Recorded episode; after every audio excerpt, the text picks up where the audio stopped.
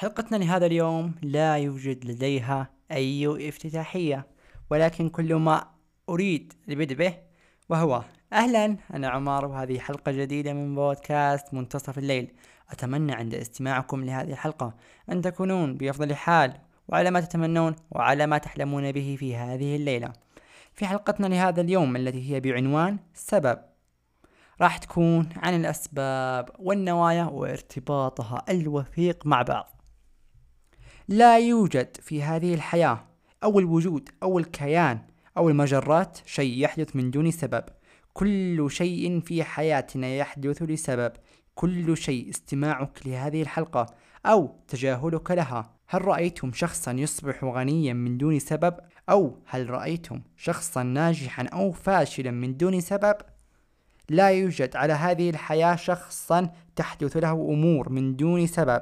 وبعض إن لم يكن كل الأسباب تكون وترافقها النية الواضحة معها.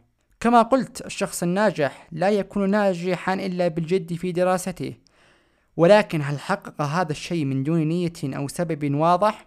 لا يمكن لهذا الشيء أن يحدث. كل نية وكل سبب توصلنا إلى شيء طريق أو حتى حياة أو حتى شيء لم يكن في الحسبان العقل أو الروح أو حتى القلب. هنالك بعض الطرق أو المفترقات الطرق التي تواجهنا ولا نعرف ماذا نختار أو يكون لدينا ذلك الخيار ولكن يحدث عكسه تماما. ولكن نبدأ عيش هذا السبب ونعيش ونعيش ونعيش ونجرب وإذا بنا نرى كم من الخير قد كتب في هذا الأمر وإذا بنا نعيش حياة داخل حياة وبهجة داخل بهجة. تلون حياتنا بالكثير من الألوان البهية المبهجة التي تكون لنا فرحة وذكرى لعمر أمامنا طويل. وكما يقول الله عز وجل وعسى أن تكرهوا شيئا وهو خير لكم وعسى أن تحبوا شيئا وهو شر لكم والله يعلم وأنتم لا تعلمون. هذا المثال رافقني في أربع أو خمس حلقات بودكاست لحد الحين. إلى حد الحين لا زال هذا المثل يجيب للكثير من عناوين الحلقات. والكثير اللي يكون هو ضيف شرف على كل حلقة.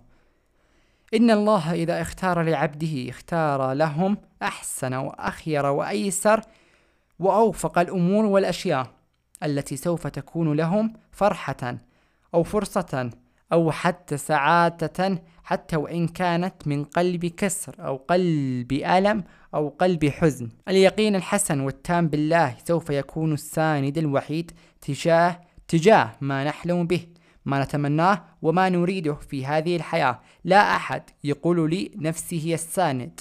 لا يوجد في هذه الحياة نفس هي الساند الوحيدة من دون الله. الله هو الساند الوحيد. نفسك من الممكن أن تكون منكسرة فيجبرها الله ومن الممكن أن تكون متشتتة ويلمها الله. فإذا بك ترى بأن اليقين علاج وجبر ومعجزة. اليقين التام لا يأتي في ليلة ولا يأتي في يوم ولا يأتي في شهر أو حتى في عدة ليالي. اليقين بالله عز وجل يأتي من إحسان الظن بالله المستمر إن لم تأتي بدرجة, بدرجة عالية.